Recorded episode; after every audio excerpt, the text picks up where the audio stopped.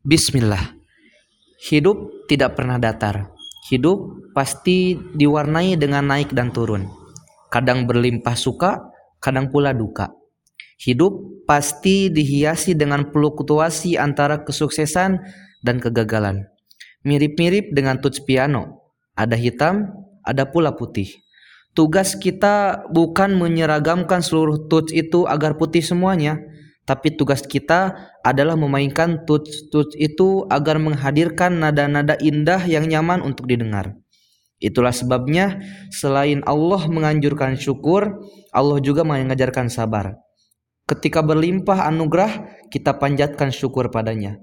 Sedangkan saat dalam masalah, kita hadirkan sabar dalam jiwa. Segala yang kita jalani pasti terasa panjang dan melelahkan ketika di dalam jiwa kita tidak ada sabar.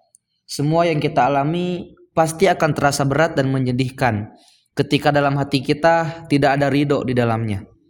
Semua yang kita lakukan seolah-olah sia-sia tiada guna saat di dalam diri kita tidak ada ikhlas. Semua yang kita miliki pasti terasa kurang ketika dalam hati kita tidak ada syukur. Life is never flat. Jadi orang hebat memang menyenangkan, tapi tak mudah untuk dijalani. Padahal kalau nggak susah, semua juga bisa. Kalau mudah, nggak ada yang istimewa. Bukankah Tuhan sudah berfirman bahwa bersama kesulitan pasti ada kemudahan? Bahkan kalimat itu diulangnya dua kali. Bersama kesulitan pasti ada kemudahan. Life is never flat. Terkadang dalam perjalanan kita menggapai mimpi, kita akan bertemu dengan rintangan yang berat hingga kita merasa seolah-olah Tuhan tak merestui kita menggapai mimpi itu. Padahal bisa jadi rintangan berat itu adalah cara Tuhan menguji kita. Apakah kita layak menggapai mimpi hebat kita? Andaikan keberhasilan itu mudah digapai, maka orang sukses di dunia ini pasti akan membludak sekali.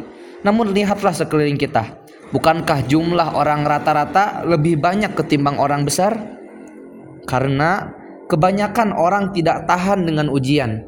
Mayoritas orang tidak kuat saat berhadapan dengan masalah.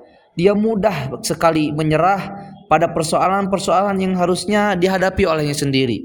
Maka jangan mudah menyerah dan putus asa. Teruslah perjuangkan mimpi-mimpi kita yang hebat. Hadapi rintangan yang dihadirkan Tuhan untuk kita Selesaikan ujian itu karena di balik kerintangan itu tersimpan hadiah yang luar biasa mengejutkan. Barakallahu fikum.